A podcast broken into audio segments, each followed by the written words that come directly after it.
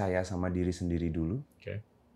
Jangan mudah tergiur sama omongan manis Iya. orang-orang yang eh, Inilah Endgame. Oke, ini 10 tahun ke depan, Anda kayaknya punya keyakinan dan optimisme bakal ada seribu Ardito, amen. ya kan? Karena kita punya bonus demografik, Ya, ya kan? Yang 60% dari populasi muda sekali kan di bawah 30 tahunan. Selama mereka bisa beli Mac atau laptop, iya laptop. ya kan? Dan kemungkinan besar banyaklah yang punya suara yang bagus. Ya. Kemungkinan besar banyaklah yang punya insting kreatif untuk nulis lagu, lirik atau apa pun kan. Ya. Tapi saya mau tanya, lirik lagu Anda kan kebanyakan bahasa Inggris, Mhm. ya, which makes it very very difficult to believe. Hmm. Kok bisa kena Hmm. dengan masyarakat luas di Indonesia? Hmm. Karena kalau kita sampel aja di sini, Hmm. orang aja di sini tuh kebanyakan masih ah, kalau bisa bahasa Indonesia deh, Ya. Iya kan? Tapi Ya. kok nggak tahu gimana kena dengan bahasa Inggris. Nah ini kan ini kan barrier nih Hmm. untuk banyak orang di Indonesia Ya. yang anggaplah belum bisa bahasa Inggris, Hmm. belum bisa bahasa internasional. Hmm. Itu gimana tuh untuk overcome that barrier? Mungkin lagunya atau melodinya, Ya. rhythmnya kena. Ya. That's that's overwhelming Hmm. dibanding kendala-kendala lainnya. Eh, sebenarnya saya juga saya juga lagi belajar untuk bikin lagu bahasa Indonesia Nggak usah belajar lah. Nah, terus? karena beda sekali ternyata proses kreatifnya sama bikin lagu dengan berbahasa Inggris. Makanya itu film Kale yang akan Hmm. keluar ini Bahasa Indonesia. Saya beranikan diri untuk menyanyikan lagu, eh, menciptakan lagu dengan bahasa Indonesia. Gitu dan I still I still learning, I'm still learning. Masih banyak yang harus saya Lebih lebih sulit Lebih nulis sulit. bahasa Indonesia. Oke. lebih sulit. Oke. Apalagi yang kalau mau punya isu-isu seperti eh, Maladi yang tadi saya bilang eh, lagu Ombak Samudra, Ya. itu harus eh, harus punya punya banyak pengalaman eh, membaca buku yang mungkin bahasa Indonesianya eh, unik-unik. Ya. Hmm. Terus apalagi kalau untuk kita mau menjadikan narator Hmm. yang banyak di Indonesia? Learn about the business. Hmm. Eh, di mana pun itu berada, nggak cuma di musik. Cerita deh pengalaman Anda di bisnis musik atau film. Di bisnis Ups musik and downs-nya apa dan gimana Hmm. Anda bisa melampaui ya, kendala-kendala. Banyak banget downs, tapi setelah downs pasti selalu ada Hmm. uh, grafik yang naik. Ya. Dulu saya pernah bergabung sama salah satu manajemen pertemanan berbasis pertemanan. Iya, yeah, I heard about that. Ya, bersama waktu itu satu salah satu band juga yang udah terkenal. Musik saya kurang diapresiasi di manajemen itu karena uh, saya punya warna yang berbeda Ya. dan pakai bahasa Inggris juga. Jadi semua orang mengharapkan bahasa Indonesia. Tapi eh, tapi itu nggak, it doesn't work well. Oke. I decided to go out from that management sendirian, uh, bikin showcase uh, dengan tidak ada modal. Lalu setelah showcase itu berjalan lancar, dihadiri 250 orang pada saat itu dan ternyata banyak teman-teman label yang ikut ngebeli tiket. Gitu. Setelah itu baru uh, saya bisa meeting sama salah satu label yang sekarang uh, saya bersama label itu. Yap. Dan saya bilang ke label itu sebelum saya masuk, Label S. S, uh, like the electronic brand. Sony. 2017 kan? 2017 Pak. Hmm. Saya bilang sama label uh, Sony kalau saya punya sistem, saya punya community. I've been I've built a small community from my music. Hmm. You don't have to change uh, anything actually. Tinggal kita kerucutin aja bareng-bareng. Hmm. Uh, banyak eksperimen yang udah terjadi di di Sony. Banyak negatif sentimen juga saat lagu pertama dikeluarkan. Saat lagu kedua dikeluarkan ternyata banyak positif uh, comments. Sampai sekarang akhirnya Sony dan saya bisa bekerja uh, saling pengertian kayak pacar yang baik, Pak. Iya. Uh, uh, di mana kita di mana Sony bisa menghargai ide saya, Hmm. kasih masukan, Yap. Lalu kita bisa kerja bareng-bareng, gitu. Dan dari semua polemik yang terjadi setelah saya ditinggali sama manaj- manajemen saya, Yep. saya bekerja di YouTube MCN Company. Di situ saya pelan-pelan belajar tentang the music business, how to boost a song, how to find a great timing in posting a promotional for your a new song. Yep. Uh, gimana caranya memilih uh, sound yang baik Hmm. untuk bisa nyaman di telinga orang banyak. Hmm. Di situ saya belajar banyak dan Pitfalls apa yang harus dihindari untuk young aspiring musician dari Mamuju, hmm, dari Wamena, dari Hmm. Magelang gitu yang pengen jadi seperti Ardito. uh, percaya sama diri sendiri dulu. Oke.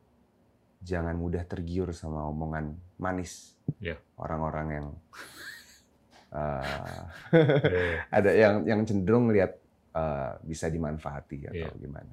Karena Anda pernah nggak ngerasa dimanfaatin? pernah, Pak, Oke. pernah dan kejadiannya bahkan sampai merugikan saya di bidang financial, di bidang uh, apa namanya kesehatan mental juga, gitu. Jadi jangan mudah percaya. Uh, karena Percaya diri, percaya diri, jangan gampang percaya Jangan dengan gampang omongan percaya. manis, terus jangan omongan man- jangan percaya sama omongan manis, terus uh, jangan pernah ber- berhenti untuk belajar, Oke. maupun di lapangan, termasuk atau- belajar not balok. termasuk belajar. Nah, Terus saya akan belajar pak gitu jadi hal itu sih yang yang yang Oke. saya lihat Oke. selama perjuangan ini Pernah apes nggak sih? sering banget pak Oh ya? Eh, dulu album pertama saya itu saya bayar sendiri untuk saya upload di agregatornya dan eh, mantan manajer saya bilang ini eh, kalau misalnya duitnya masuk kita akan masukin ke apa kartu kredit gue karena kita belum ada kartu debit kantor. How Oke. naive. How You were. I was. I was. Oh ya udah. eh, yang penting lagu saya keluar gitu. Yang penting saya punya ada Hmm. bukti kalau saya itu penyanyi pada saat itu. Terus eh, ya udah. Ternyata album itu booming dan copyright dan publishing di sana bukan nama saya dan saya nggak punya suara untuk bisa ngeklaim Hmm. itu punya saya dan sampai sekarang keuntungannya saya nggak pernah dapati dari album yang terlaris Wow. dari Adito Pramono. Wow. Ada banyak pak kejadian apa saya ternyata di musik. Ya ambil hikmahnya. aja. Ambil hikmahnya betul. Tapi I think people can learn from this. Yeah. From from your experience. Gitu. Yeah. Dan dan saya saya ngelihat Anda tuh benar-benar sudah dan akan terus jadi panutan lah. Nah, Oke, fast forward ya. 10 tahun. Oke. 25 tahun dari hari ini. Alright. Anda usia umur 50 tahun. Ya. Where do you see yourself? Setelah produksi 75 film, 75 album, nggak pernah cuti, ya kan? Saya akan menghabiskan the rest of my days di kampung saya mungkin di Bali. Oke. Jadi saya akan Anda asal dari Bali? kakek saya orang Bali pak. Oke. Oke. Eh, yang saya orang Jogja. Oke. Tapi saya Oh, ya? selalu Oke. punya. Iya. Ayah saya orang Jogja juga. Oh gitu. Hmm. Ya, nenek saya saya jarang banget dikasih pelajaran tentang Bali ini Hmm. culture karena pada saat itu kakek saya udah meninggalkan duluan eh, jadi saya terlalu fokus sama budaya Jawa Oke. setahun bisa empat kali pulang ke Jogja dulu tapi saya selalu curious sama budaya Bali Ya. dan baru akhir-akhir ini saya nemu ada connected those connected dots Hmm. spiritual things yang saya experience di sana, kok kayaknya nggak boleh jauh-jauh ya dari Bali gitu. When I feel in, when I'm in Bali, I Yeah. feel like I'm home, Yeah. uh, spiritually. Yeah. Uh, jadi mungkin I would be in Bali still producing some music. Okay. Uh, and in the meantime, I would I would just sipping in um, Balinese wine beside the pool maybe. Oke. Oke. Now, would you attribute more to your Balinese ancestry untuk Yeah. uh, kesenian Anda atau Yeah. artistic uh, instinct Anda? Iya, iya. Wow. dan cara dan mungkin cara untuk cara bersikap terhadap the attitude of the music that I made. Hmm, Uh, Bali banget rasanya, I see. uh, spontaneous, Ya. uh, full of uh, communication. Ya. Nah, yang saya rasakan selama saya bermusik. Nah, terus kalau Anda diminta untuk mengkaderisasi Hmm. mini me's of Ardito, Ooh, would you do it? I would. I Would you tell them to sound like you, or would you tell them to Uh, sound like them? I would tell them to sound like them. Okay. That's why saya selalu kasih tahu teman-teman yang ingin menjadi seorang musisi, kalau kamu suka sama artis atau musisi tertentu yang kebetulan uh, nggak bisa disamakan, cari referensi yang gen- uh, gendernya berbeda. Kalau saya dengerin Amy Winehouse misalnya, Wah, she's awesome. wow, Gila, suara legend. lagu gila. Yeah, yeah. I mean, unfortunate. unfortunate Iya kan? events. Hmm. Um, sebi- sedekat-dekatnya saya menjadi pengen menjadi Amy Winehouse, Mhm. saya nggak akan bisa menjadi Amy Winehouse. I would make something original Iya. out of that. Jadi saya akan bilang seperti itu. Jangan terlalu ikutin referensi. Uh, referensi hanya sebagai uh, tolak ukur kali ya Hmm. di musik. Tapi Anda umur 50, Anda lebih ngelihat diri Anda tuh lebih di belakang kamera Hmm. atau di belakang mikrofon?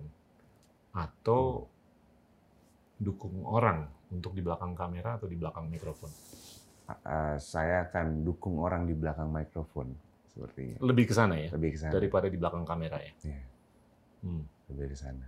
Jadinya perfilman atau film nih agak-agak transient atau Hmm, temporer, No, nggak terlalu ini. akan selalu berjalan bersamaan, Pak. Oke. Menurut saya.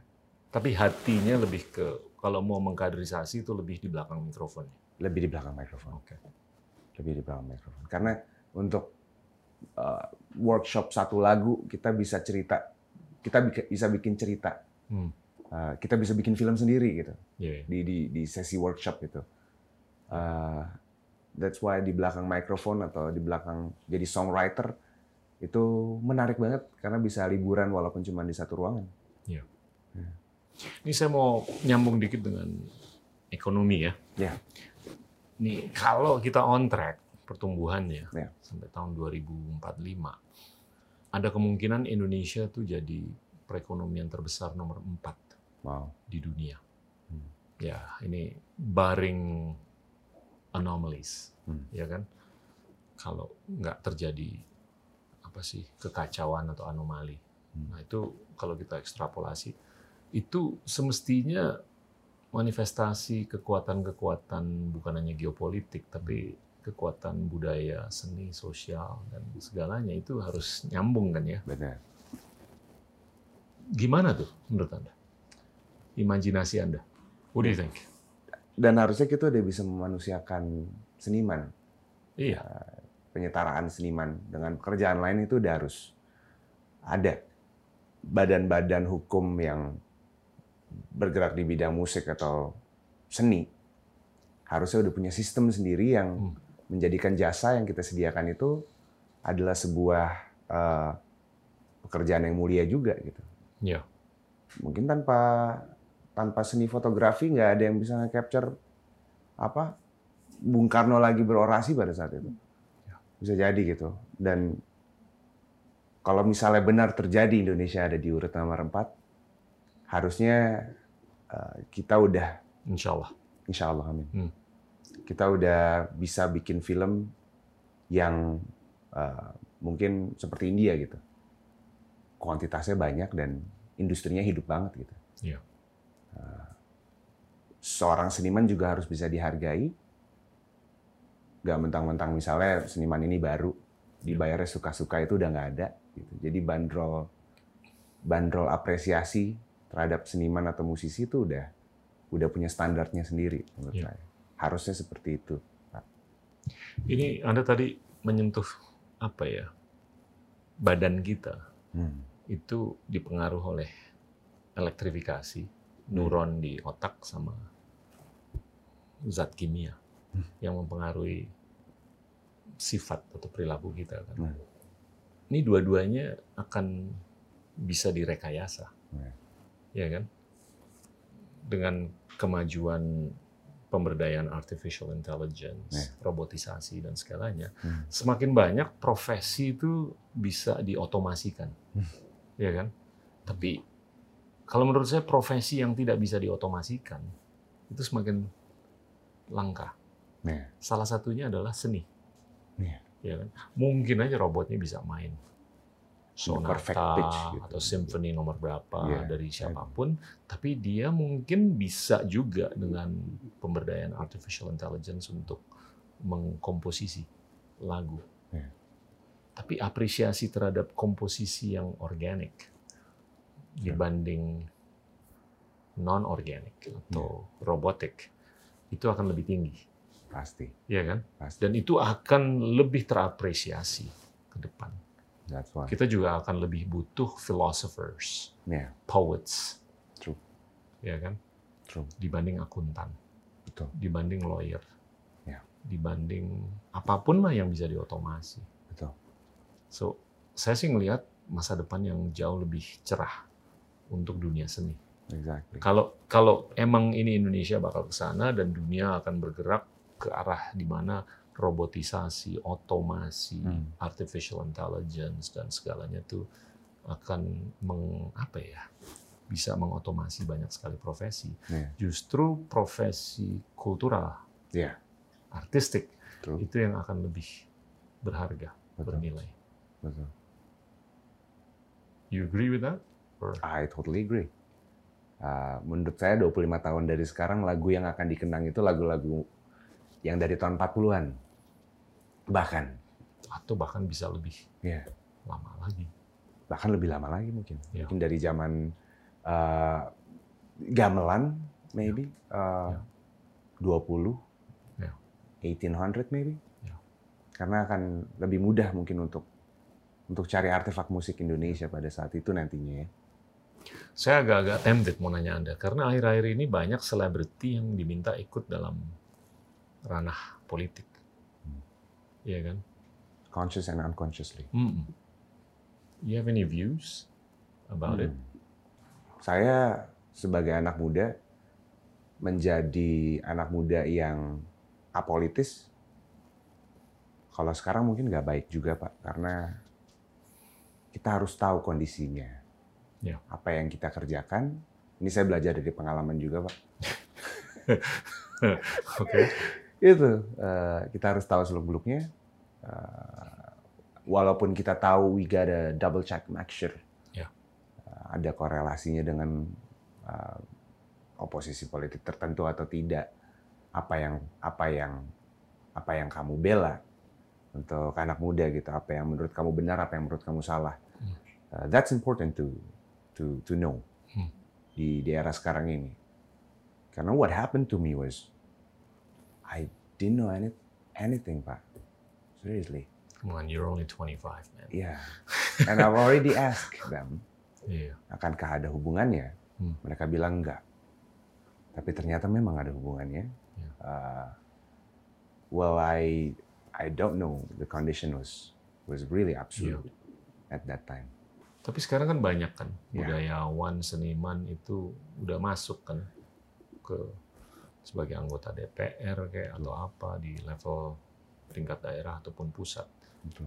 Itu bagus nggak menurut Anda? Mungkin kalau misalnya DPR DPR DPR-nya seniman semua bagus kali ya, Pak. Agak terlalu berseni nanti. Tapi kalau misalnya karena banyak orang-orang partai yang nawarin terus bilang you don't have to know everything about politics, just learning by doing. Just do it first gitu. Iya. Eh, karena itu bisa dipelajari, mereka bilang seperti itu. Tapi menurut saya itu adalah ilmu yang harus dipelajari Iya. dan nggak boleh main masuk aja. Hmm. Karena punya elektabilitas yang bagus, Iya. eh, akan dipilih gitu. Hmm. Menurut saya itu nggak worth it to try. If you have uh, a beautiful work behind you, Iya. and it you know it doesn't make sense to risk all of that Yeah. because just because of something that you don't know Yeah. just because in terms of uh, money Yeah. it's not worth it at all Yeah. Menurut saya. And I would say no. Tapi I, I would still give them the benefit of the doubt. Hmm. bahwasanya ada kemuliaan. Ya. They want to make a difference. Ya kan? Ya. Siapa pun dan apa pun backgroundnya. Ya. Ya kan? Ya. Dan kalau menurut saya ini episode yang alamiah. Karena kita tuh sebagai demokrasi, sorry ya, ini agak-agak. Gak apa-apa. Apa-apa.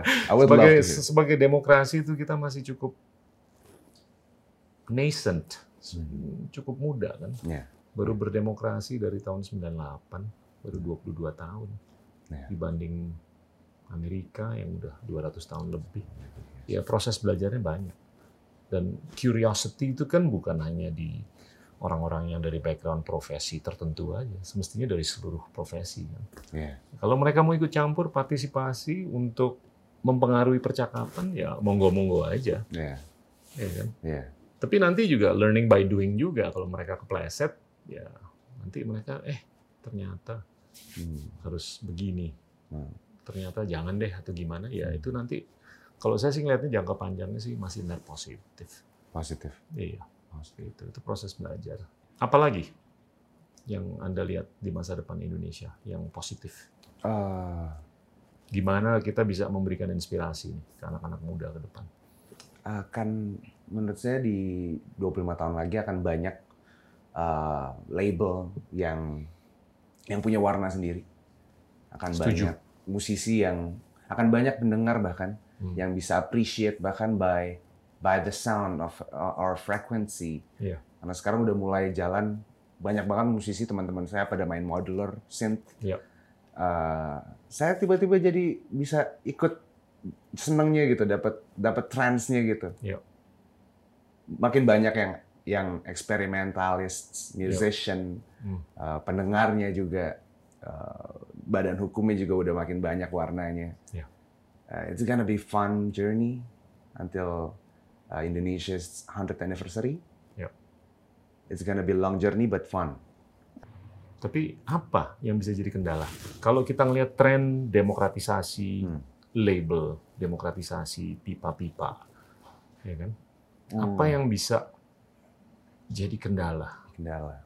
kalau kita mau jadi seniman atau kita mau jadi musisi yang mau go internasional? Yang akan jadi kendala biasanya bahkan dari lingkungan komunitas. Uh, that's why I never touch any community, Pak. Karena Hmm, katanya teman-teman saya, kalau masuk komunitas and you made the song, they would only do critics for you.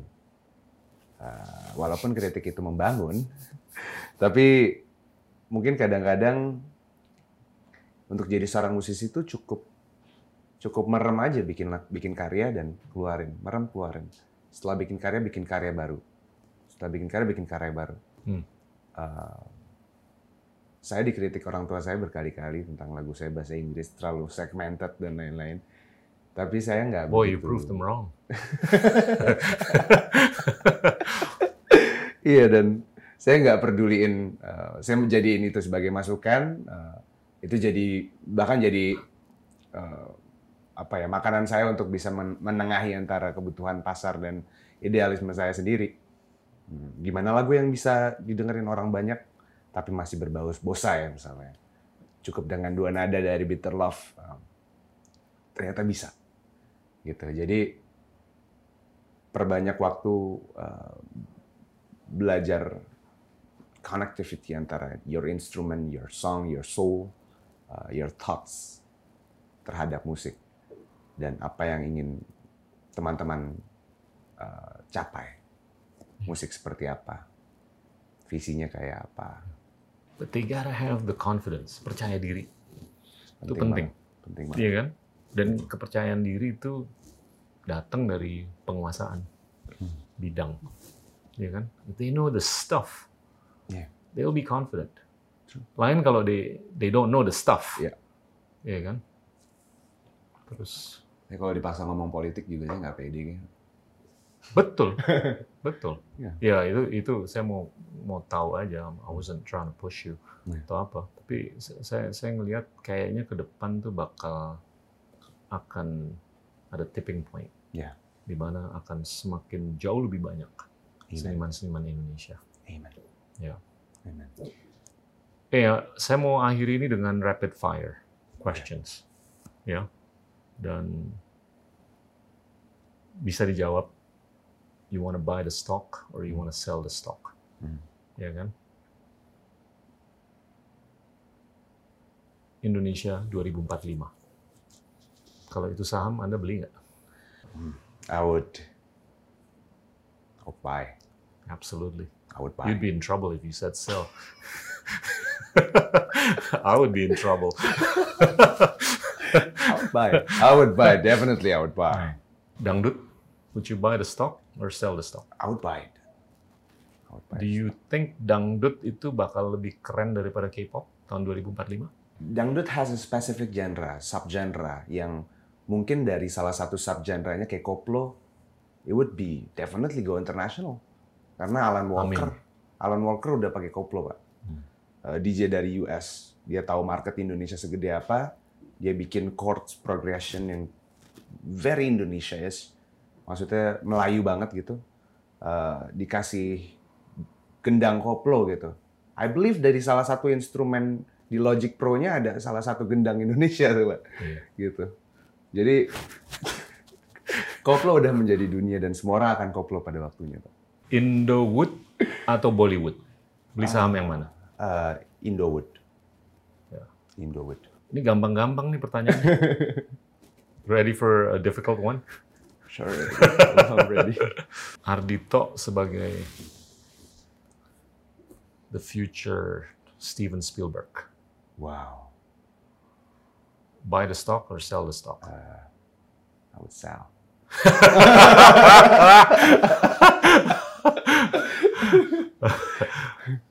Oke. Last one. Oke. Musik ke depan tuh lebih ngelihat ke belakang atau ngelihat ke depan? Akan lihat ke belakang. Karena udah nggak ada yang baru lagi menurut saya, Pak. You know I like that. Iya, yang baru Karena, terakhir 70-an. You know, in in essence you talk about history Hmm. and you stress the importance of history. Nah, Dan banyak orang tuh lupa dengan sejarah. true. Dan banyak orang nggak sadar bahwa history tends to repeat itself. Exactly. Iya kan? Dan saya saya ngelihat Anda tuh cermin dari konsep itu Hmm. bahwa kita tuh harus lebih mengapresiasi sejarah. Anda ingin sekali mengacu ke lagu-lagu tahun 40-an, ingin sekali mengacu ke gamelan, True. ya kan? True. Orkestra gamelan bakal kejadian apa enggak? Akan terjadi dan sudah terjadi, maybe. No, I mean in a global sense. Oh, wow. Akan terjadi. Akan, definitely. Dan tiketnya mungkin akan 100 juta satu sih. Iya. Karena saking, menurut saya itu sesuatu hal, a very different experience when you see gamelan. Iya. You know, it's a very different experience. You see yourself getting involved Sure, di produksi seperti itu? sure. Saya pernah uh, ke Turki pada saat itu, main Hmm. gendang. uh, Untuk Karsiaka Children Festival. Dan saya ngerasa, we are the coolest orchestra in that festival.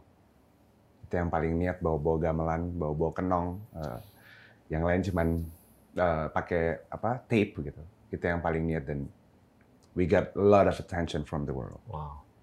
Hey man, it's been fascinating. On on that note, let's beat the drums untuk masa depan Indonesia ke depan. I know. Ya? Ya. Thank you. Thank Terima you. kasih banyak Pak. Teman-teman, itulah Ardito. The name that's gonna ring more and more in the future. Amen. Thank you. Inilah Endgame.